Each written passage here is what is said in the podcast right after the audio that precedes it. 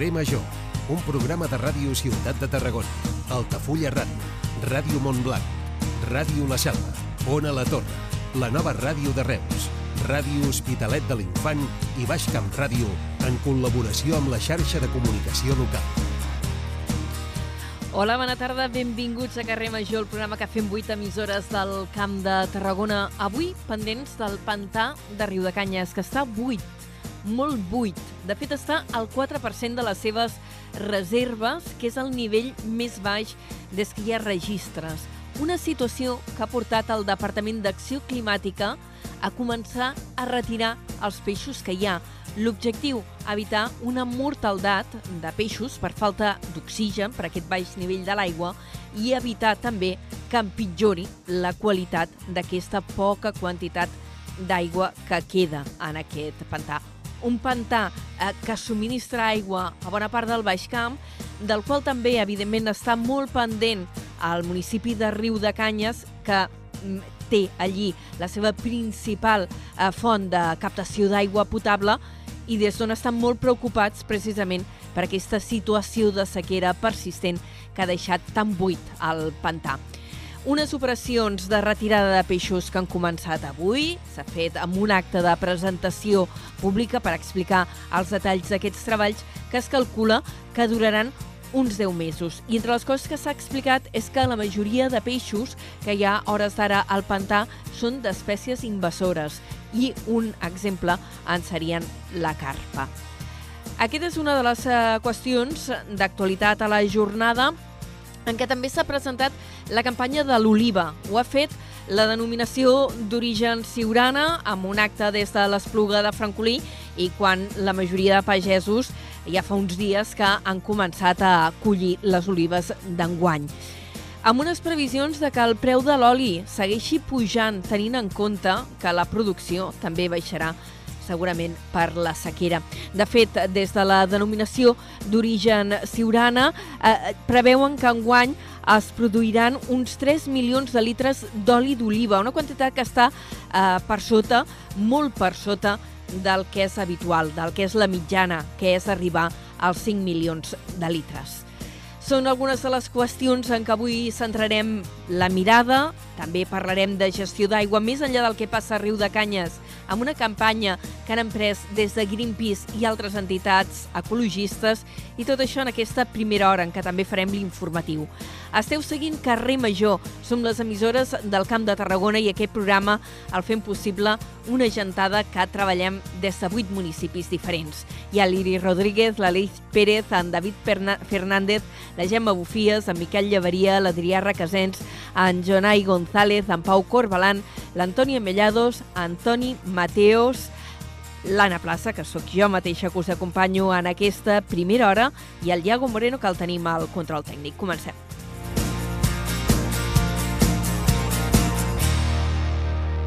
Carrer Major, Anna Plaza i Jonai González.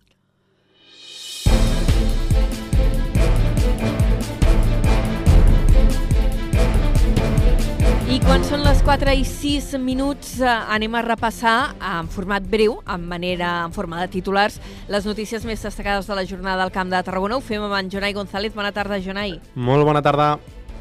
Avui comencem destacant que el Departament d'Acció Climàtica ha començat aquest matí a retirar peixos del pantà de Riu de Canyes per poder garantir la, la qualitat de l'aigua. Les reserves d'aigua de l'embassament se situen al 4% per la situació de sequera. Es tracta de la xifra més baixa des que hi ha registres. La denominació d'origen protegida Siurana preveu que el preu de l'oli pugi encara una mica més per l'escassa producció d'olives. La sequera farà que la collita d'enguany sigui una mica inferior a la de l'any passat, que ja va ser molt baixa. Una dona mor aquest matí en un accident de trànsit a l'autopista AP7 a l'alçada de Roda de Barà. Un turisme ha sortit per un ramal d'una àrea de servei de l'autopista i ha impactat amb un camió estacionat. A causa del sinistre ha mort l'acompanyant del turisme. Els treballadors de les nuclears protesten a les portes d'Escó per mantenir els llocs de feina durant els desmantellaments. Els sindicats alerten que el tancament de les plantes afectaria uns 200 treballadors directes i més de 500 d'indirectes. L'ampliació del territori de Tarragona serà una realitat d'aquí a 4 anys. La presidenta de l'empresa mixta de serveis funeraris, Ivana Martínez, n'ha parlat en una entrevista a Ràdio Ciutat amb motiu de Tots Sants. Tarragona Ciutat ha batut rècord de visitants turístics aquest estiu i per primera vegada s'han superat els 200.000. Ara bé, el nombre de per pernoctacions, per contra, ha caigut un 6,7%. I aquest cap de setmana les Masies de l'Espluga de Francolí han tornat a homenatjar les brigades internacionals. Ho han fet en el 85è aniversari de la seva retirada. Entitats memorialistes alerten de l'ascens del feixisme i confien en les noves generacions per no repetir la història.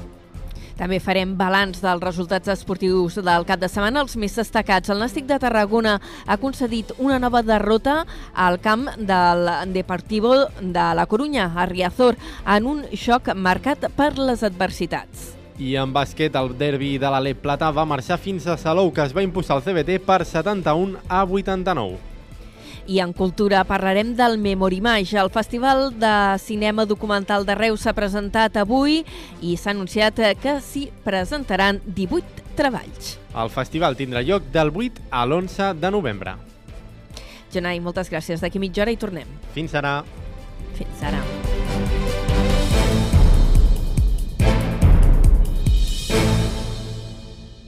Carrer Major. Toni Mateos.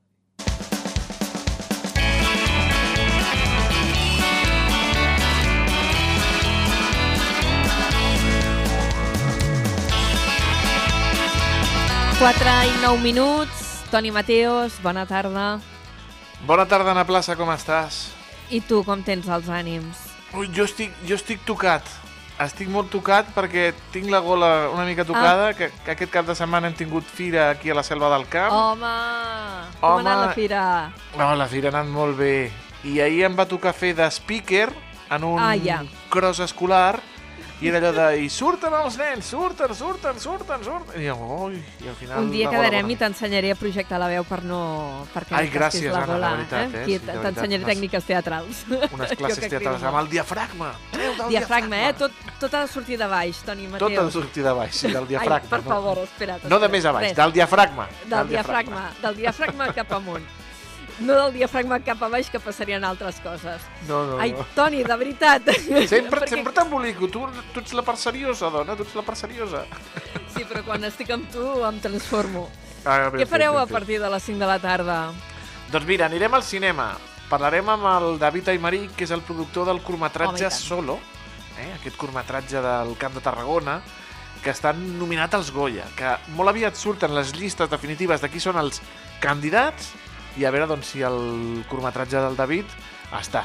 Estan Ah, preseleccionats. Hi ha uns altres pre preseleccionats, eh, també aquí al territori. Sí, sí, sí, sí, són 11, 11 o 13, no recordo. N'hi ha, n'hi ha de més prese- preseleccionats, com dius tu. Uh, després el Damià Morós, uh, el nostre expert en art, ens parlarà de patrimoni funerari al Camp de Tarragona. Alerta amb això, eh? Visitarem mm. cementiris amb el Damià Morós. Els Tonis parlarem de la mort del Chandler, de Friends. Estic consternada, eh? És molt trista la notícia de la mort Entre del ell Matthew i el Perry. doblador de Bola de Drac. També, del can... també, És- també. Quin cap de setmana de mer... Perdó. Sí, sí, sí, sí, sí és, és tremendo, tremendo.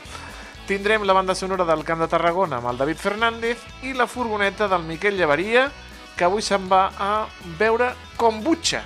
Aquesta beguda, a més a més, premiada, un producte local d'Alcover que ha aconseguit premis en uns premis mundials de la kombucha, que De també tenen kombucha. premis mundials. Mira, tu, Sí, mira. Sí, sí. Jo no sé com s'ho fot el, la- el Miquel Llevaria, però... Sí. I està primet, eh? I ell Sí, sí, no, no, no, no, para no, d'anar i home. està primet, està Jo crec- llistadet. Jo crec que no, jo crec que en lloc d'anar en furgoneta va corrents als llocs, perquè si no, aquest, aquest cos, aquest primer, no, no, no sé d'on el treu. Doncs molt bé, tot això, Toni, a partir de les 5. Llavors et I passo tant. el relleu. Perfecte, Anna. Adéu. Adéu, adéu. Cada tarda de dilluns a divendres fem parada a Carrer Major.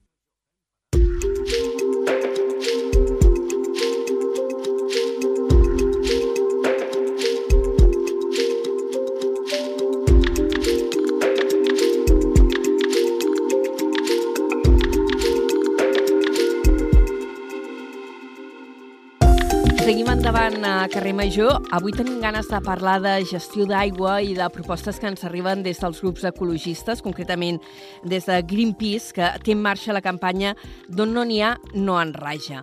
I per parlar-ne, avui hem convidat la responsable d'aquesta organització al Camp de Tarragona, que és l'Alicia Escudero. Alicia, bona tarda, benvinguda. Bona tarda. Uh, D'on no n'hi ha, no en raja. En qui la dirigiu, aquesta campanya?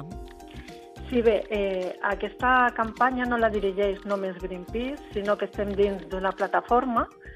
És una plataforma amb diverses entitats i podem anomenar, eh, són moltes, com per exemple està Ecologistes en Acció, està GPEC, està Aigües Vida, Aigües Vida Girona, Associació de Municipis i Entitats per l'Aigua Pública. Bé, et podria anomenar moltes entitats que estan dintre, entitats que tenen doncs, aquesta visió per la gestió de l'aigua i pel tema de la sequera, sobretot. Entenc que és una campanya que no esteu duent a terme només aquí a la demarcació de Tarragona, sinó que té un abast més ampli, pel que expliques. Sí, sí, és, és un abast de tota Catalunya. De Ah. fet, eh, perdona, No, no, digues, digues. De fet, aquesta idea surt de, de dues eh, cimeres que es van fer socials sobre la sequera i va començar l'any passat. Una es va fer a Girona i aquest any s'ha fet a Amposta. Llavors allà ens vam ajuntar totes les entitats, tots els col·lectius, amb aquesta preocupació i d'allí han sortit les diferents propostes eh, que tenim envers l'aigua i mesures a prendre, etc. Eh, anem a desgranar una miqueta aquestes propostes. Que, què creieu que s'està fent malament i que s'hauria de fer eh, per millorar la gestió de l'aigua, tenint en compte aquest context de sequera en el que ens trobem, que anem veient com tots els pantans, inclosos també, evidentment, els que eh, tenim aquí a la demarcació de Tarragona, van baixant eh, a les seves reserves. Clar, tenim, per exemple, un cas molt, molt gran és el de Siurana, no? Tots hem anat, o quasi tothom hem anat a fer calla, allà a Siurana, amb l'aigua molt plena i ara doncs no hi ha aigua. Eh, tenim això, tenim riu de canyes i, i molts més pantans.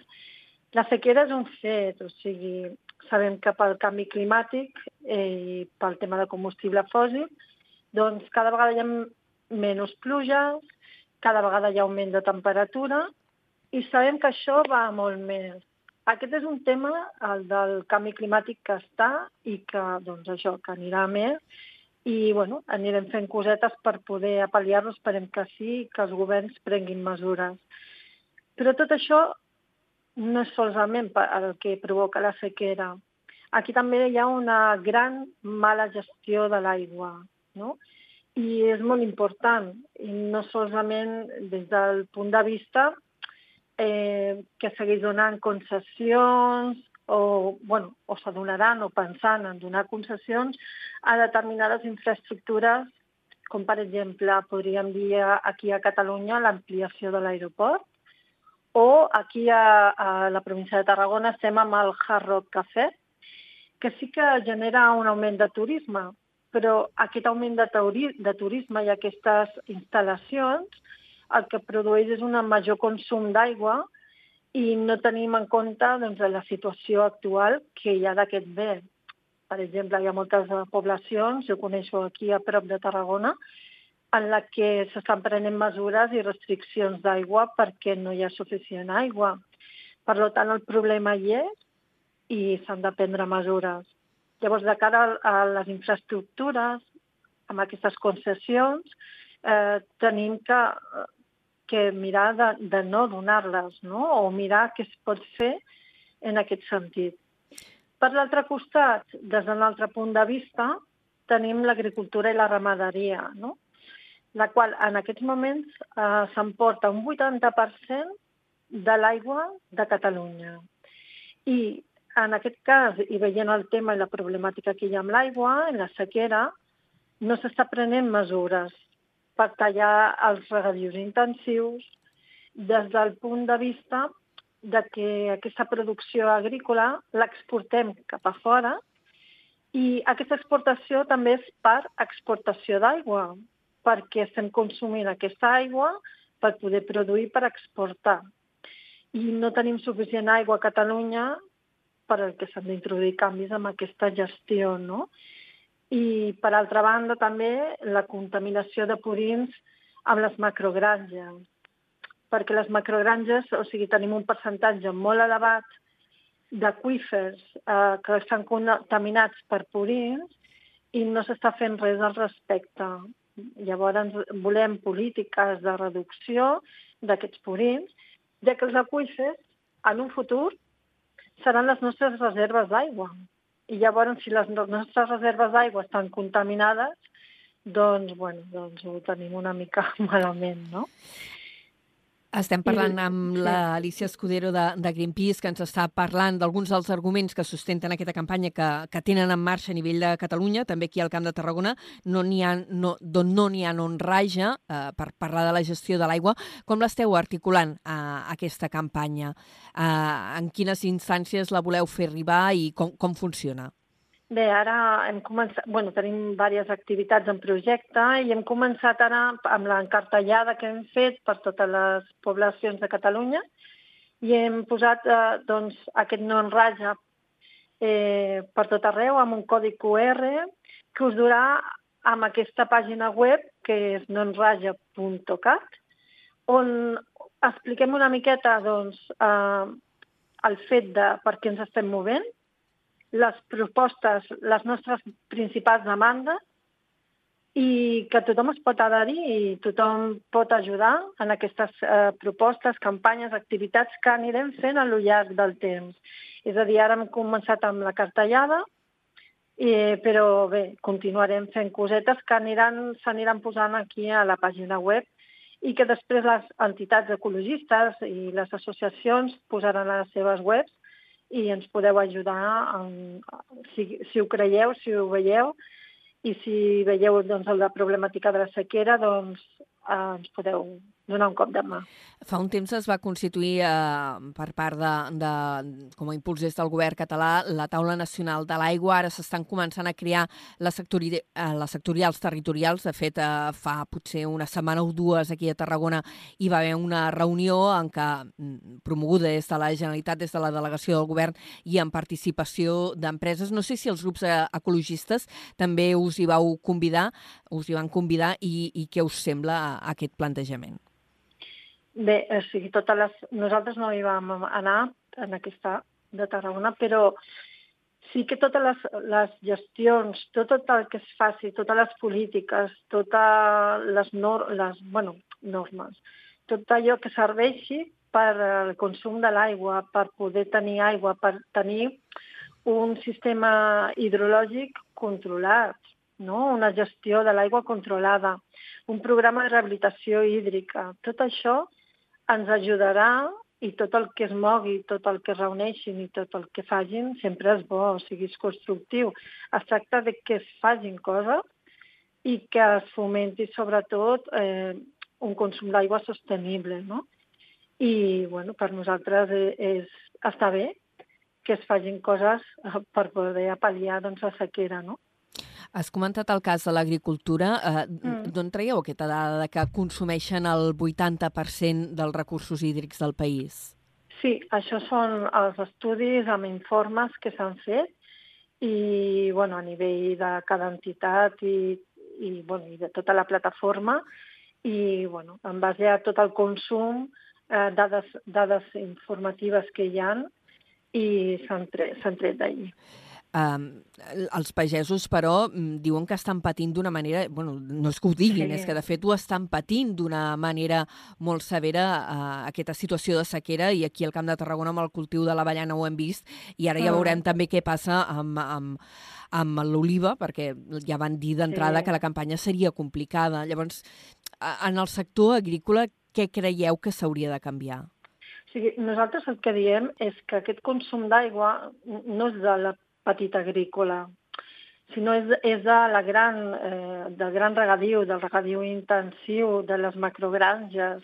O sigui, estem parlant a nivell sempre extrem, no? O sigui, nosaltres volem fomentar un nou model agrícola i ramader basat en les petites produccions extensives, no?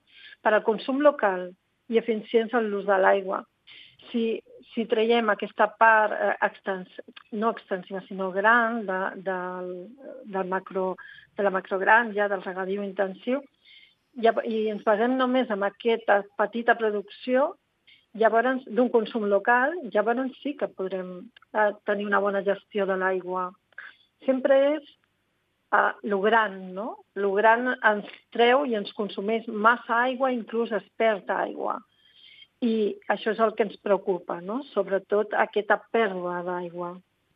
Considereu que les polítiques de reaprofitament és la línia que s'hauria de seguir? De fet, l'altre dia, amb aquesta taula eh, de, territorial de l'aigua, ja es parlava d'alguns casos, com el d'Aitassa, que és l'empresa que gestiona l'aigua de les indústries de, de Tarragona, que parlaven de la pràctica que tenen cada vegada d'utilitzar més, més aigua regenerada. És cap aquí, cap a on considereu que s'ha d'anar? Sí, nosaltres el que diem és un que hi hagi un programa de rehabilitació hídrica amb l'aprofitament de les aigües grises i pluvials, perquè hi ha un desaprofitament molt gran i bueno, es podria fer aquest reciclatge, aquesta depuració de les aigües grises i també de les pluvials. No, no estem dient aigua per boca humana, sinó que aprofitar aquestes aigües grises doncs, pel tema de, de l'agricultura, de la ramaderia, doncs eh, hi ha molta pèrdua d'aigua en aquest cas.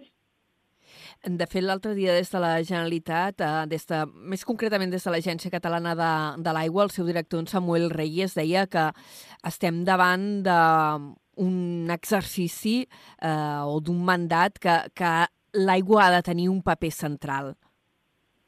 Totalment. L'aigua és central perquè bueno, no ens imaginem que obrir l'aixeta i no tenir aigua, no?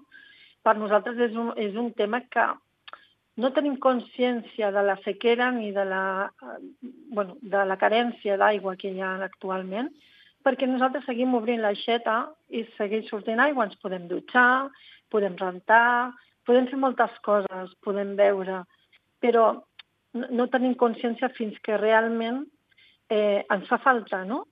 Eh, veiem que no surt, veiem que no tenim, però el problema hi és, hi és, i no és un bé eh, il·limitat, és un bé limitat, i per tant s'ha de gestionar. I és un problema i un tema molt gran que hem de mirar, no hem de fer ulls tancats, no hem de mirar enrere, sinó que hem de, hem de mirar l'aigua i hem de mirar la sequera i hem de fer doncs, campanyes i programes de, de, de hídrics, no? campanyes de, de l'aigua. Entenc que aquesta campanya que esteu uh, impulsant des de Greenpeace i, com dèiem, amb moltes altres entitats ecologistes, també ecologistes en acció, GPEC, per mm. parlar-ne algunes que estan implantades aquí al territori, uh, entenc que hi ha una voluntat molt clara de conscienciació de, uh, vers els ciutadans, però no sé si també dintre d'aquesta campanya teniu previst contactes amb l'administració per intentar incidir en les polítiques públiques. Sí, sí, sí, sí. O sigui, més, a, o sigui, no, potser ara hem començat amb aquesta campanya d'encartellada, però hi ha previstes moltes activitats i també incidir doncs, amb l'administració pública i poder eh, parlar i poder sentar-nos i poder compartir la nostra, bueno, la nostra intenció no? i la nostra preocupació envers aquest tema. Amb la plataforma en defensa de l'Ebre esteu en contacte també? Eh, sí, sí, sí, sí, també. El que no està, o sigui, també tenim eh, associacions del, de la defensa de l'Ebre. De fet, ells estan dins de la nostra plataforma perquè no te les he esmentat totes, és que clar, em sap greu perquè no t'he pogut dir totes, però és que són moltíssimes eh, moltíssimes arreu de Catalunya que estem adherides amb, amb aquesta plataforma i jo us convido a que entreu a doncs, nonsratlla.cat perquè allà hi ha tota la informació i us, clar, és que si voleu us les dic totes. No, perquè no acabaríem. Però, no cal. Clar, però, però són moltes, moltes que estem doncs, amb aquesta problemàtica, que estem amb molta sensibilitat, amb moltes ganes de, de fer campanya d'incidir i de poder apel·liar aquesta sequera d'alguna manera. Heu, heu apreciat, però, un canvi de tendència en l'últim temps, potser per la situació de sequera, eh? però esteu detectant més sensibilitat o eh, per part d'empreses, per part d'administracions? Sí, sí, sí. O sigui, sí que es veu eh, moltes empreses grans, industrials inclús, eh, bueno, ajuntaments, tots que sí que tenen una sensibilitat i que veuen que realment és un problema. De fet, en el moment que hi ha restriccions, eh, de, de cara de l'Ajuntament ja veuen que hi ha un problema i que s'ha de fer una gestió. Ara és trobar-se, reunir-se, trobar urgentment unes, bueno, una gestió de l'aigua, poder doncs, fer aquest reaprofitament de l'aigua gris i pluvial i tirar endavant, perquè és per totes i per tots. Hem conversat, avui amb l'Alicia Escudero, ella és responsable de Greenpeace a, a Tarragona. Hem parlat d'aquesta campanya que no només du a terme Greenpeace, sinó, com deia ella, moltes altres entitats a l'àmbit ecologista d'arreu de Catalunya, d'on no n'hi ha no en raja. Moltíssimes gràcies per haver-nos en fet 5 cèntims avui a Carrer Major. Gràcies. Carrer Major, el primer programa del Camp de Tarragona.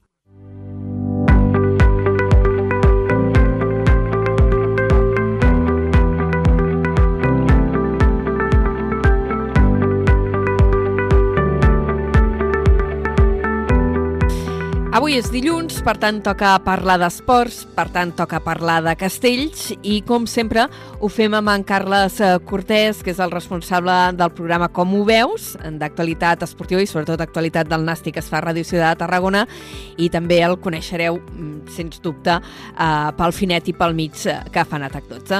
Eh, Carles, bona tarda, benvingut. Hola, Anna. Uh, la setmana passada ja ho dèiem, que el Nàstic tenia un partit, no sé si complicat, però sí amb un d'aquells equips emblemàtics, com és el Deportivo de la Corunya, i, i a més fora de casa, per tant es preveia, sí, complicat, no? I ha acabat perdent. Sí. Com va anar? Sí, la veritat és que sí. El Deportivo de la Corunya és un dels grans aspirants a l'ascens de categoria. Ja ho dèiem la setmana passada, que ja durant les últimes temporades havia estat a primera divisió i havia aconseguit fins i tot jugar a Europa. És un dels grans favorits i al final va guanyar 1 a 0. No va ser un partit exempt de polèmica, perquè sobretot hi ha una polèmica a la primera meitat. Aquí s'hi aferra molt la plantilla del Nàstic, els jugadors, el cos tècnic, parlen molt d'una jugada polèmica de la primera meitat, perquè al Nàstic li van anul·lar un gol que alguns creuen era un gol legal. I és una d'aquelles jugades de polèmica. Alguns veuran una falta d'un jugador del Nàstic dins l'àrea i altres no veuran falta d'un jugador del Nàstic dins l'àrea. Era una centrada des de la banda dreta una possible falta que l'àrbitre diu que és falta i un remat d'un jugador que fa el gol. Era el 0-1 i era gairebé el minut 30 de la primera meitat. Clar, si tu t'avances 0-1 al camp del Deportivo de la Corunya, segurament el partit va d'una manera. Però si tu no t'avances, el Deportivo a poc a poc, a poc a poc, va desplegant el seu joc i sobretot a la segona meitat va ser superior al Nàstic i és quan va fer el gol, de fet.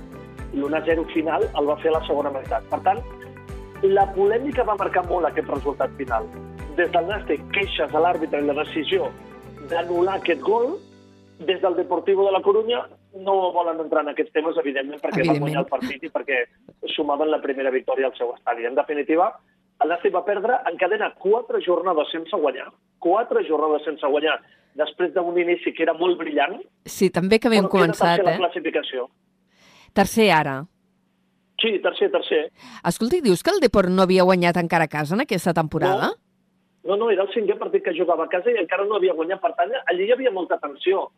Què vol dir això? Si tu t'avances 0-1 en el minut 30 de la primera part, aquella tensió de les 20.000 persones al camp s'incrementa perquè la gent es posaria nerviosa, perquè els jugadors es posarien nerviosos, perquè el Deportivo estaria nerviós.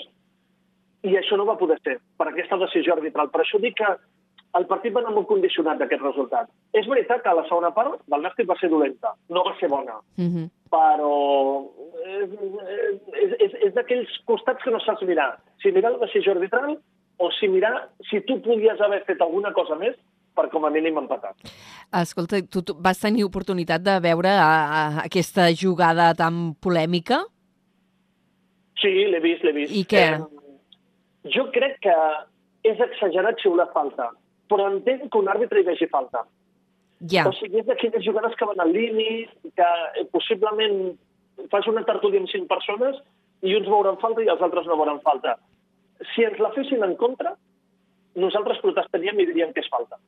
Ja, ja. I no sé si això pot servir per intentar fer entendre de la, de la complexitat de prendre aquesta decisió. És allò que potser l'àrbitre abans de prendre mal doncs va decidir xiular falta tenint en compte que estava al camp del Deport, no? Correcte, correcte, que segurament és el més fàcil. Xiules falta, no passa res, el rival petit és el que surt perdent, entre cometes... El rival s'ho menja amb ja patates i ja està, i els de casa contents. Correcte, correcte, sí, sí. Tot i això, insisteixo, eh, Anna, Nàstic tercer, 18 punts, a dos del primer, tots hauríem signat a principi de temporada aquesta situació en la classificació. Eh, Però estan preocupats per aquest canvi, no sé si se'n pot parlar de canvi de dinàmica o això és prematur, no? Però després d'aquell eh, inici tan espectacular que ningú, una mica ningú s'ho creia, ara mm, amb aquesta, diguéssim, ralentització de resultats, hi ha preocupació o detectes No, preocupació? No, no, no, no, preocupació zero. Portem només 10 partits, el Nàstic va fer un inici molt bo, són puntets que ja va posar-se el ferronet, el Nàstic està entre els millors, i això és el més important. Mhm. Està a la part alta de la classificació, està lluitant, lluitant amb entre els millors, mm, no ha d'haver-hi cap mena de preocupació, al contrari, cap ni una. Eh? I ara pensar més, compta aquesta setmana el doble partit, perquè dimecres hi ha partit de Copa al camp de l'Orihuela, al País Valencià, i, dime- i diumenge hi ha partit de Lliga al camp de l'Ossassuna Promesa, al filial de l'Ossassuna. Per tant, escolta, això és passat i cal centrar-se ja en el present. Escolta, que jo ara tiro de memòria, amb l'Olihuela no hi havia jugat ja aquesta eh, temporada com a partit de Lliga? Ja s'havien vist No, les no, cares? No, no, perquè l'Orihuela està en una categoria diferent. Ah, val, val, val, val. Doncs devia ser el sorteig. Devia ser quan van fer el sorteig, perquè a mi em sonava alguna cosa de, de Nàstic Orihuela. Res, no he dit res. Molt bé. Escolta, en bàsquet eh, veiem un, un derbi, a més un derbi que es preveia una mica dolorós perquè cap dels dos partits, ai, dos, dos partits, dels dos equips està en una situació gaire còmoda, eh, que són el CBT i el Salou, a, a l'Alep Plata. Com va anar això? Mira, abans deixen, abans un apunt ràpid de futbol, que de Digues. tant en tant ens agrada repassar com està la tercera federació. Atenció a la derrota contundent del Reus, 4-0 al camp del Badalona. La Pobla va guanyar 1-0 i la Repitenca va empatar fora de casa, al camp del Castelldefels. Són tres flaixos, eh? 3 a punts. Val, Pobla perfecte. quarta a la classificació, 14 punts. Uh, Reus setè, 13 punts, un punt menys. I a més, el dia 8 de novembre juguen entre ells en un partit ajornat. Reus-Pobla, dia 8 de novembre, al municipal de Reus. I la Repitenca continua la part baixa amb 4 punts. Mhm. Ara sí, el bàsquet. El bàsquet. Victòria contundent, clara, mm, sense excuses del Salou a la pista del Club Bàsquet Tarragona. I m'arriscaria a dir que pallissa.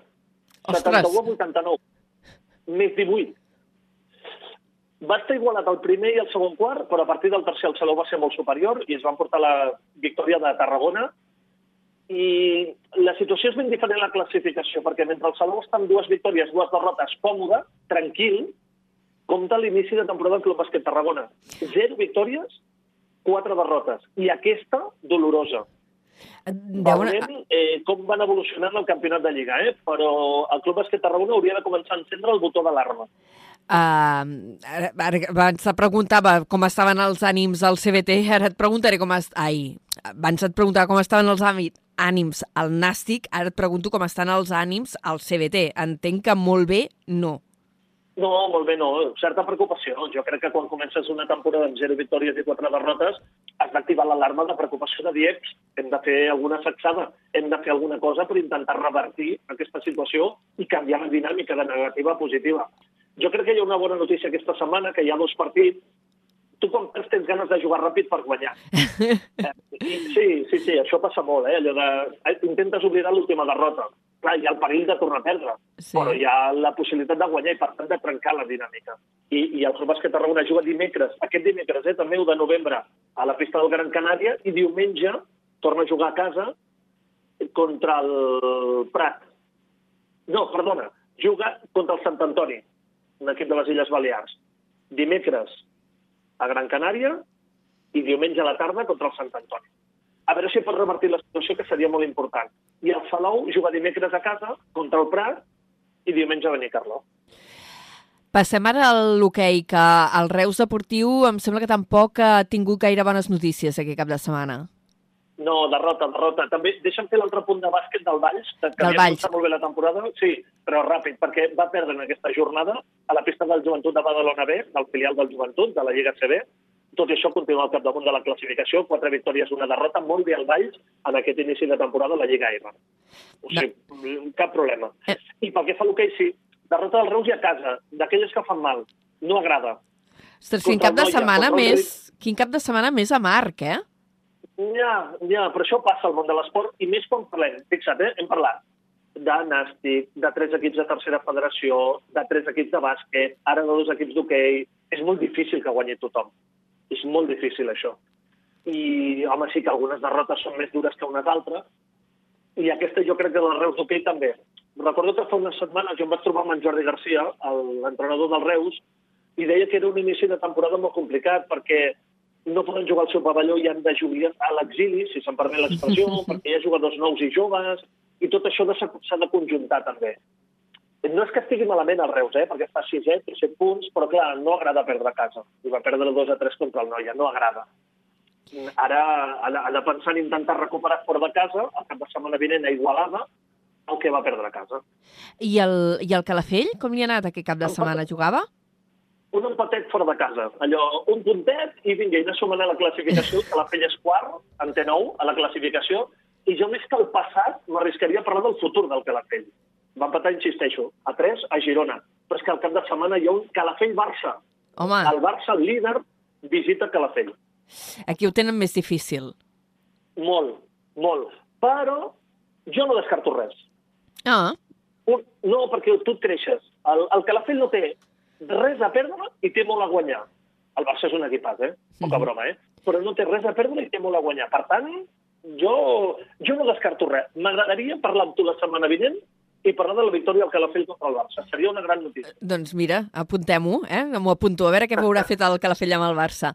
Escolta'm, Carles, ens estem allargant com, com sempre fem, eh, però tenim ganes de parlar de, de castells, eh, perquè aquest cap de setmana eh, els castellers d'Altafulla, Colla Petita, tot el que vulguis, però han aconseguit una fita molt important eh, que és el 2 de 7, la Torre de 7. És un, ca un castell que ja comença a ser complicat.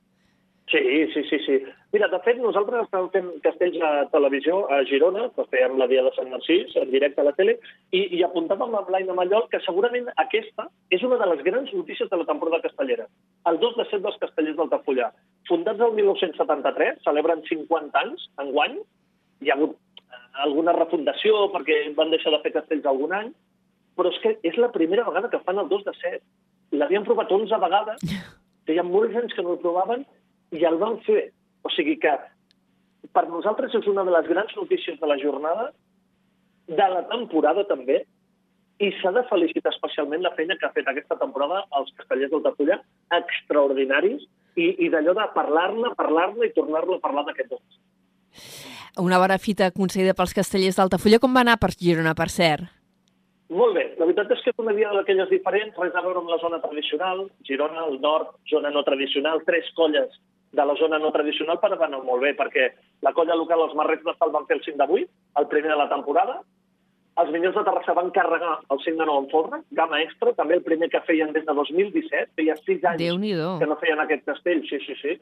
I a destacar també el 2 de 9 en folre i manilles de Capgrossos de Mataró, també gamma extra, primer que fan aquesta temporada, i que va ser sentimental, emotiu, perquè unes setmanes van perdre una castellera molt important en un Mm. accident de trànsit Mare. i li van voler dedicar aquest castell i va ser realment molt emotiu. Una diada d'aquelles per recordar durant molt de temps. Doncs eh, ara, eh, un altre dia de que segurament es recordarà, si tot va com està previst que vagi, que és la dia de Tots Sants, aquí dos dies a, a Vilafranca. Um, una diada en què els verds hi han dit que aniran a donar-ho tot. Sí, sí, sí. La veritat és que ja porten unes setmanes anunciant castells de 10, volen fer el 3 i el 4 de 10 en Folra i Manilles, i un castell inèdit que veurem si arriba o no. 9 de 9 en Folra. Ningú en la història dels castells ha provat això. 9 de 9 en Folra. És que això és una animalada, si no? Perquè ser... Sí, sí. Quanta gent No, necessites borrada. per fer una cosa així? Doncs mira, eh, na- na- o sigui, al Folra segur que hi van més d'un centenar de persones, més tota la gent que puja al tronc. Mare meva. Eh, eh, sí, sí. És que jo crec que són gairebé 200 persones. Això ha de passar moltíssim. És un castell molt llarg. Jo tinc dubtes si arribarà temps o no. Dependrà dels últims Val. assajos. Uh -huh.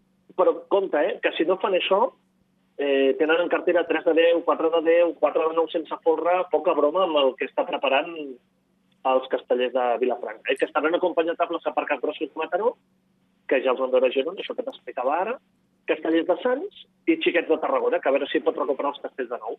També hi sereu per explicar-ho, Carles? Evidentment. Sí, sí, sí, sí. En directe, correcte. Des d'un quart d'una del migdia, dimecres, plaça de la Vila de Vilafranca del Penedès.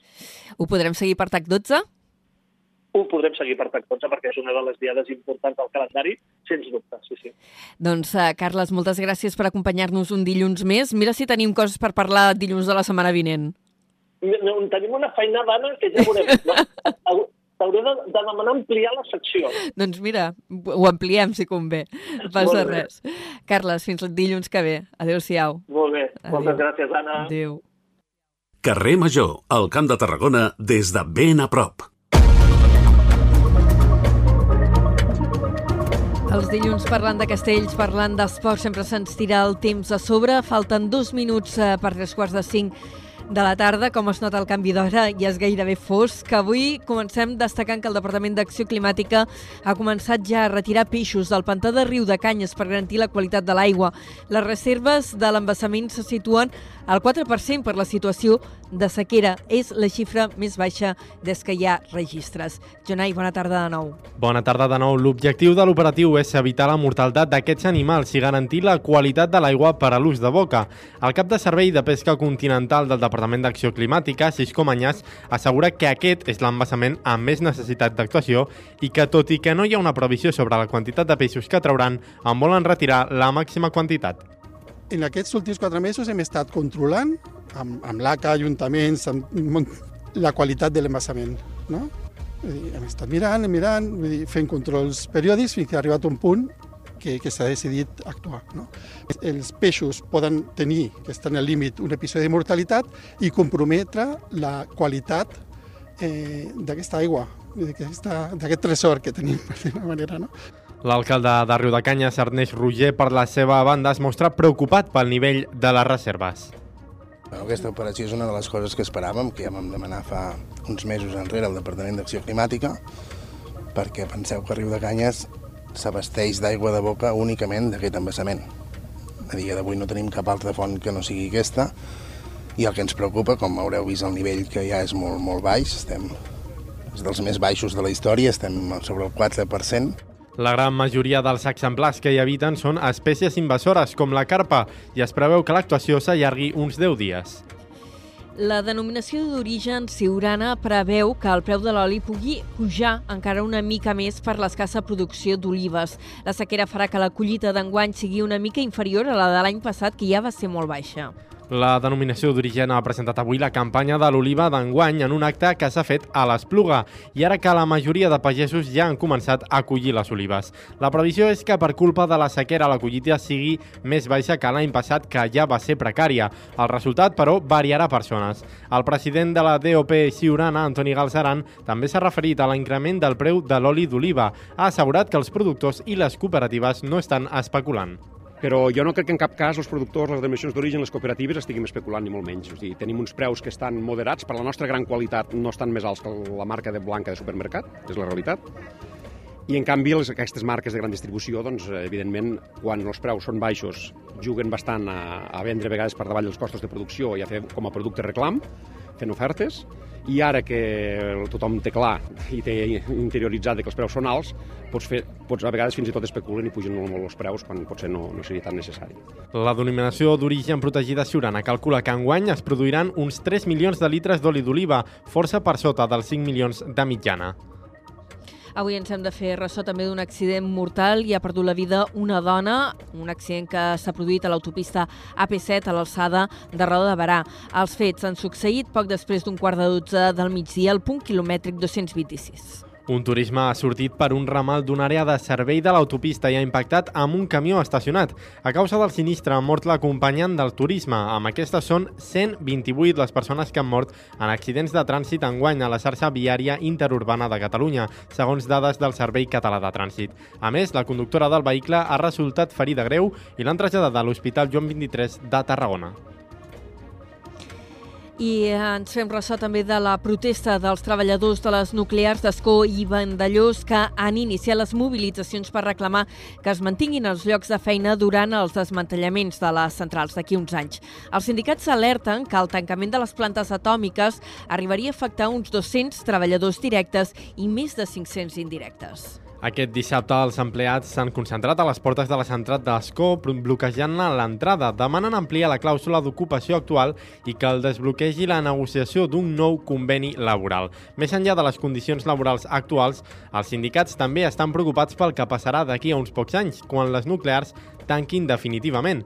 Els sindicats demanen que els contractes es puguin prolongar durant el desmantellament i que es plantegi una transició molt justa. Joan, Juan Luis Cantón és el delegat de la UGT a l'associació nuclear Escó Vandellós. Nosaltres el que volem és que la, la, la transició que s'ha de fer, aquesta transició energètica i ecològica que s'ha de fer, ja que nosaltres ens, ve, ens veiem afectats pel, pel tancament de les plantes nuclears, doncs que sigui una transició justa, que hi hagi eh, medides socials per a protegir a les persones treballadores i al territori, perquè el territori també patirà. Els treballadors de les nuclears han acordat no fer hores extra durant la parada de recàrrega que tot just acaba de començar a Escó 2. Adverteixen que això podria endarrerir el ritme de les operacions, que suposen una inversió milionària perquè les recàrregues de combustible també s'aprofiten per fer revisions i millores.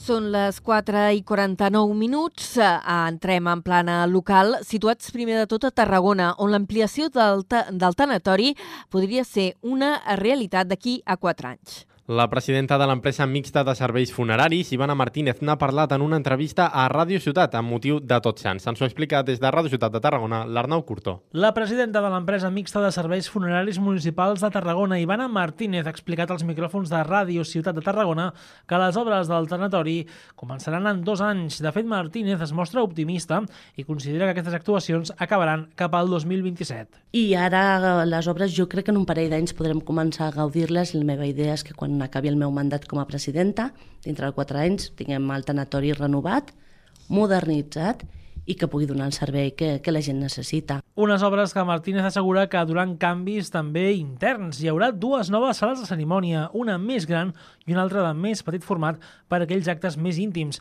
També es farà un nou edifici on hi haurà un nou forn crematori. S'ampliaran les sales de vetlla i també es farà una nova cafeteria a la planta baixa.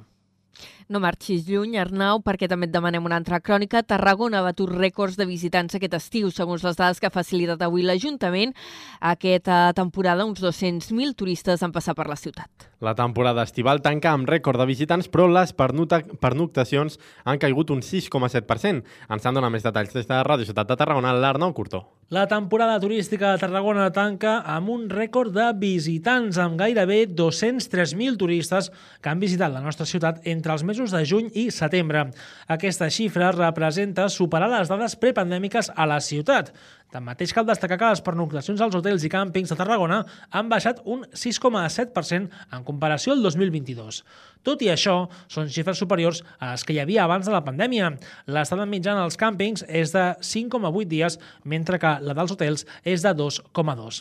La consellera de Turisme de l'Ajuntament de Tarragona, Montse Adan, ho atribueix a un juliol més fluix i també a la inflació i l'augment de preus. Per tant, a Tarragona ens visita més gent perquè hem superat aquesta xifra, realment ens estan eh, visitant més gent, però potser l'estada doncs, és menor en dies. Nosaltres ho atribuïm sobretot al tema de la inflació, tot té més cost, llavors venen a Tarragona però s'estan eh, menys dies de durada. No és una davallada molt important, però sí que és la que pensem que ha fet eh, baixar aquest 6,7, eh, malgrat hi hagin més visitants eh, que mai. Destaca la importància del turista nacional, que representa gairebé un 60% del total. El visitant internacional es reparteix entre els Països Baixos, França, Alemanya, Gran Bretanya i Bèlgica com a orígens més destacats.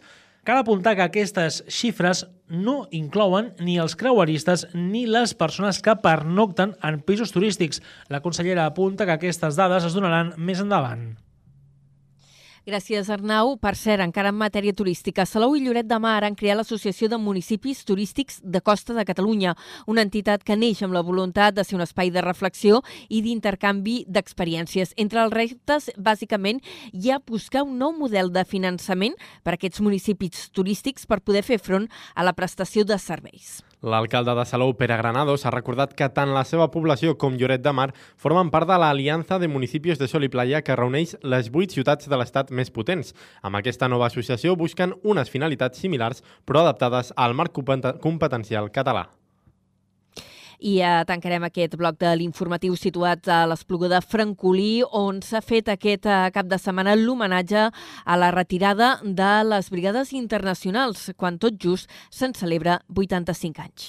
Les entitats memorialistes han aprofitat per alertar de l'ascens del feixisme i confien en les noves generacions per no repetir la història. Ens n'informa el Josep Morató des de l'Espluga FM Ràdio. L'Espluga de Francolí ha reviscut aquest diumenge el comiat d'uns 2.000 brigadistes internacionals que havien participat a la Guerra Civil amb els republicans. El record i l'homenatge han tornat al mateix espai, ara amb membres de l'Associació Italiana de Lluitadors Antifeixistes. Qui també ha estat en aquest acte ha estat la consellera de Justícia i Memòria, Gemma Ubassart. El seu compromís antifeixista i internacionalista continua sent un far i un exemple per tots i totes nosaltres. Si la lluita de les brigades internacionals va ser la lluita per la llibertat, la seva memòria és la memòria de la llibertat. L'homenatge d'aquesta tarda ha estat el punt final a tot un conjunt d'actes que han permès celebrar l'efemèride arreu de Catalunya per la institució del Memorial Democràtic, però també a l'Espluga de Francolí.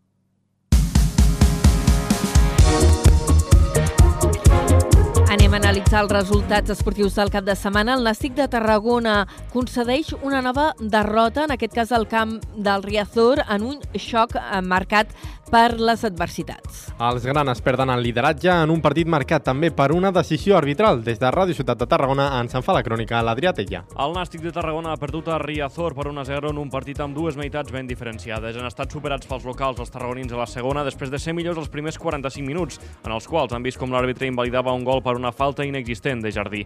Els granan cadenen quatre jornades sense guanyar i perden el lideratge, que ocupa ara el cel de fortuna, però es mantenen segons a la taula.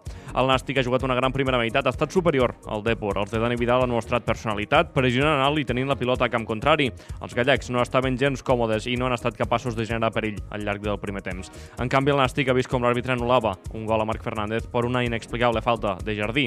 Ben diferent ha estat la segona meitat. El Depor ha fet un pas endavant i ha enfonsat els tarragonins a la seva àrea. S'ha fet gegar amb Baro, aturant fins a tres situacions molt clares de perill, però ha acabat arribant al gol a 20 minuts del final. Advertia Dani dels perills dels de la Corunya a pilota aturada i així ha arribat l'1-0. Centrada impecable de Lucas Pérez i rematada poderosa de Pablo Martínez. Es complicava definitivament el partit, sumant un context realment advers a Riazor. Els locals necessitaven el primer triomf a casa i es posaven per davant, i no ha estat precisament amable l'arbitratge amb els Grana, més enllà del gol anul·lat. Ha regalat targetes gratuïtes als tarragonins de Dermallo i ha acabat expulsant a Concha en una acció poc intel·ligent del de Santander. Tot males notícies. Segona derrota del Nàstic aquesta temporada, la segona consecutiva a domicili i aquesta setmana, a més del duel de Copa Oriola de dimecres, l'equip repetirà a fora davant el filial d'Ossassuna. Moltes gràcies. Per cert, que en bàsquet aquest cap de setmana hi ha hagut derbi a l'Alep Plata entre el CBT i el Salou. De fet, s'han imposat els salouencs amb un resultat contundent. Han guanyat per 71 a 89. I un minut encara no per parlar de cultura. Avui s'ha presentat la nova edició del Memory Match en què es podran veure 18 documentals. El festival tindrà lloc del 8 a l'11 de novembre, ens ho explica des de la nova ràdio de Reus, en David Fernández. El film Sang i salsa de tomàquet sobre la vida de Joan Perucho obrirà el dimecres 8 de novembre al Memory Match, el Festival Internacional de Cinema de Reus, dedicat a pel·lícules amb imatges d'arxiu. Enguany s'han presentat 40 propostes i se n'han seleccionat 18. Entre aquestes hi trobem Cesària Évora, La Cingla o Oblideu Tosquelles, o dins la categoria de treballs locals, Rentadors i Rentadores, Una ciutat de mussols o La llibreta del doctor Gras. Anna Petrus, la directora del Memory Match, explica que també es vol homenatjar els 100 anys del cinema amateur. I com aquesta, aquesta producció de cinema domèstic ha permès, eh, a través de l'imatge d'arxiu precisament,